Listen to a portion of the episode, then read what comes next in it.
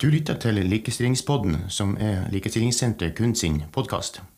Programleder er Ingjerd Hansen, og Anush Gadka er redaktør. Dette er en bonusepisode av Likestillingspodden. I denne episoden spør vi hva er rasisme? Vi har vært så heldige å få en samtale med en av Norges fremste eksperter på temaet. Forsker Cora Alexa Døving har publisert flere artikler på temaet, og har også skrevet boken 'Hva er rasisme?' sammen med Sindre Bangstad.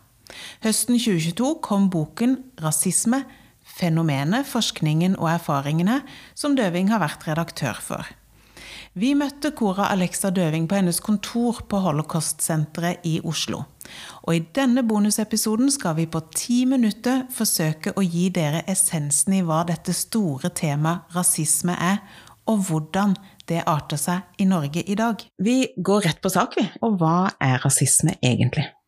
Rasisme er å underordne befolkningsgrupper med bakgrunn i deres opphav. At man tillegger mennesker negative karaktertrekk ut fra hvem som har født det, hvor de kommer fra, og lar det ligge til grunn for at det er greit å diskriminere dem eller ekskludere dem. Så rasisme det handler om å hierarkisere mennesker. Det handler om å frata dem lik menneskeverd som andre mennesker, og det handler om å enhetliggjøre store befolkningsgrupper fordi du tilhører den befolkningsgruppen, så er du sånn eller slik. Og i praksis så vil det kunne si at eh, jeg f.eks.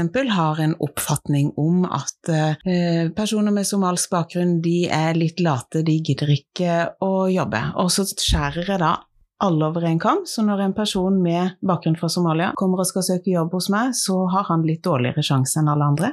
Mm. At du antar en hel rekke eh, ting om et menneske bare med bakgrunn i hvor de kommer fra, eller hvilken religion eller kultur de tilhører, eh, det er typisk, et typisk eksempel på rasistisk tenkning. Men når vi tenker på rasisme i et historisk perspektiv, eh, så hadde det vel en litt annen betydning? Altså Vår forståelse av rasisme, har ikke den endra seg litt over tid? Jo, forståelsen av rasismen, og også hvordan rasismen utspiller seg, har endret, endrer seg stadig, både fra sted til sted og tid til tid. Men det er egentlig en myte at man tidligere eh, begrunnet rasisme bare med biologiske forskjeller, mens i dag begrunner vi det med kultur og religion, fordi de første liksom, dokumentasjonen man har på rasisme mellom folkegrupper, så handlet det nettopp om kulturelle og religiøse forskjeller. Og så var det en relativt kort periode på slutten, ja, midten-slutten av 1800-tallet og fram til etter andre verdenskrig at den pseudovitenskapelige ideen om at menneskeheten kunne deles inn i ulike biologiske kategorier hvor noen var bedre utstyrt enn andre og dermed hadde mer menneskeverd, den, den formen for rasisme, som jo er en sånn knallhard biologisk rasisme som eh, kan ende med folkemord, som vi vet, eh, den eh, var kanskje hva skal du si, betegnende for en mye kortere periode enn den åpningen som er i dag, hvor også eh, kultur og religion erkjennes og ligger til grunn for forskjellsbehandling da, og andregjøring som også er et ord som brukes i rasismeforskning. Mange av oss, eh, hvis vi skal tenke på et sånn klassisk eksempel på rasisme i Norge, vil trekke fram Benjamin Hermansen-saken. Det at en ung gutt blir drept. Eh, veldig tilfeldig, egentlig, fordi han hadde mørk hudfarge.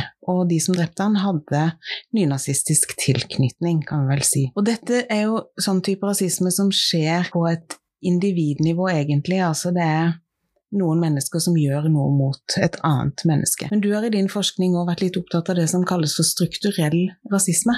Kan du forklare litt hva det er? Strukturell rasisme det er et eh, paraplybegrep som ble utviklet innen eh, amerikansk eh, forskning. Og det grunnet i at man, etter at de rasistiske lovene i USA forsvant, og målinger viste at befolkningen i USA ikke hadde rasistiske holdninger, så stilte man seg spørsmål hvorfor er det da at afroamerikanere fortsatt blir diskriminert? Hvorfor kommer de dårligere ut på helse, utdanning, boligmarked osv.? Og, og da fant man at mye av svaret lå i at eh, både vaner og, og, og mønstre i institusjoner på en måte bevarte eh, forskjellsbehandlende mekanismer. Selv om selve det juridiske, rasistiske systemet var fjernet, så fortsatte samfunnet å reprodusere ulikhet gjennom eh, strukturer som kanskje var ubevisst for de enkelte individene. Sånn at å se på strukturell rasisme, det handler mer om å ta et perspektiv, et mer sånn samfunnsperspektiv, kanskje en sosiologisk perspektiv, hvor man forsøker å forstå hva er det i samfunnet som bidrar til å reprodusere ulikhet mellom etniske grupper, f.eks. Og da eh, kommer man lett inn på diskusjoner som jo mye av Black Lives Matter òg handler om, kanskje. Altså, eh, er det ting ved politiets arbeidsmetodikk som virker diskriminerende? Er det ting ved arbeidsmarkedet som virker diskriminerende, uten at kanskje den enkelte, ja, som du sier, en bevissthet om dette, da? det er nok mye av rasismen som skjer i Norge, som skjer uten at det er en, en rasist som står bak, en som er overbevist om at det er riktig å diskriminere eh, mennesker ut fra deres opphav.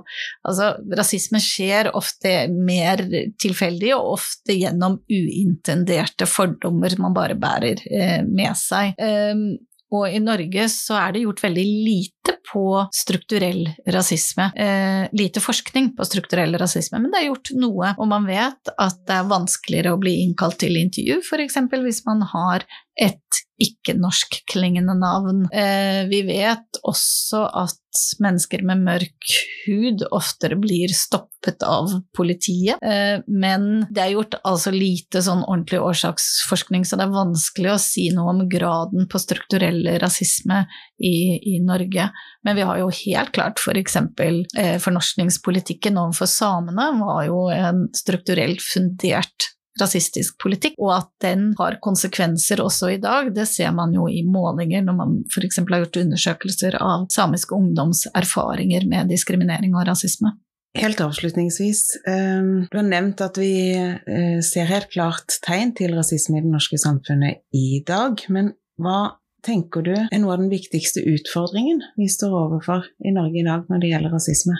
Altså, jeg liker å skille litt mellom ulike nivåer av rasisme. Selv om all rasisme gjør vondt, og all rasisme bør bort. Så i stad nevnte du drapet på Benjamin Hermansen. Det var jo et ideologisk motivert drap. Det var en, en ekstrem form for rasisme som lå bak. Jeg bruker ofte ordet hverdagsrasisme for å beskrive den rasismen vi har i Norge i dag, og det er et begrep som viser til at rasisme ikke alltid er ekstrem eller hviler på en ideologisk overbevisning, men at den kan inntreffe i mer dagligdagse, liksom rutinepregete ting vi foretar oss. Det kan være eh, hatske blikk, små negative kommentarer eh, på vei til butikken, noen som trekker hijaben på vei ut av T-banen, det kan være skjellsord som ropes på en fotballbane, kanskje det kommer plutselig opp 'oi, hvor fikk jeg den resonansen fra at jeg kalte en for apa'? Altså, det er jo ofte folk som skammer seg etter de har kommet med rasistiske utsagn. Det er like fullt rasisme som gjør vondt, men jeg syns begrepet hverdagsrasisme fanger det ganske godt. Men det betyr ikke at det er tilfeldige hendelser.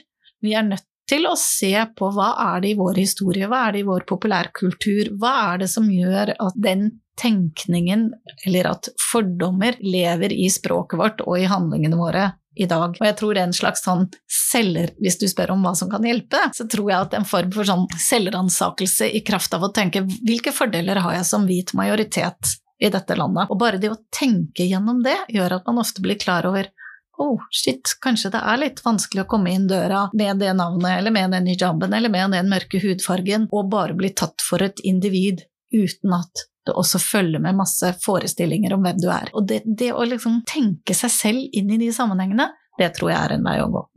Og så tror jeg sånn som mange skoler gjør nå, at de har nulltoleranse for eh, rasisme, også er et bra virkemiddel, da.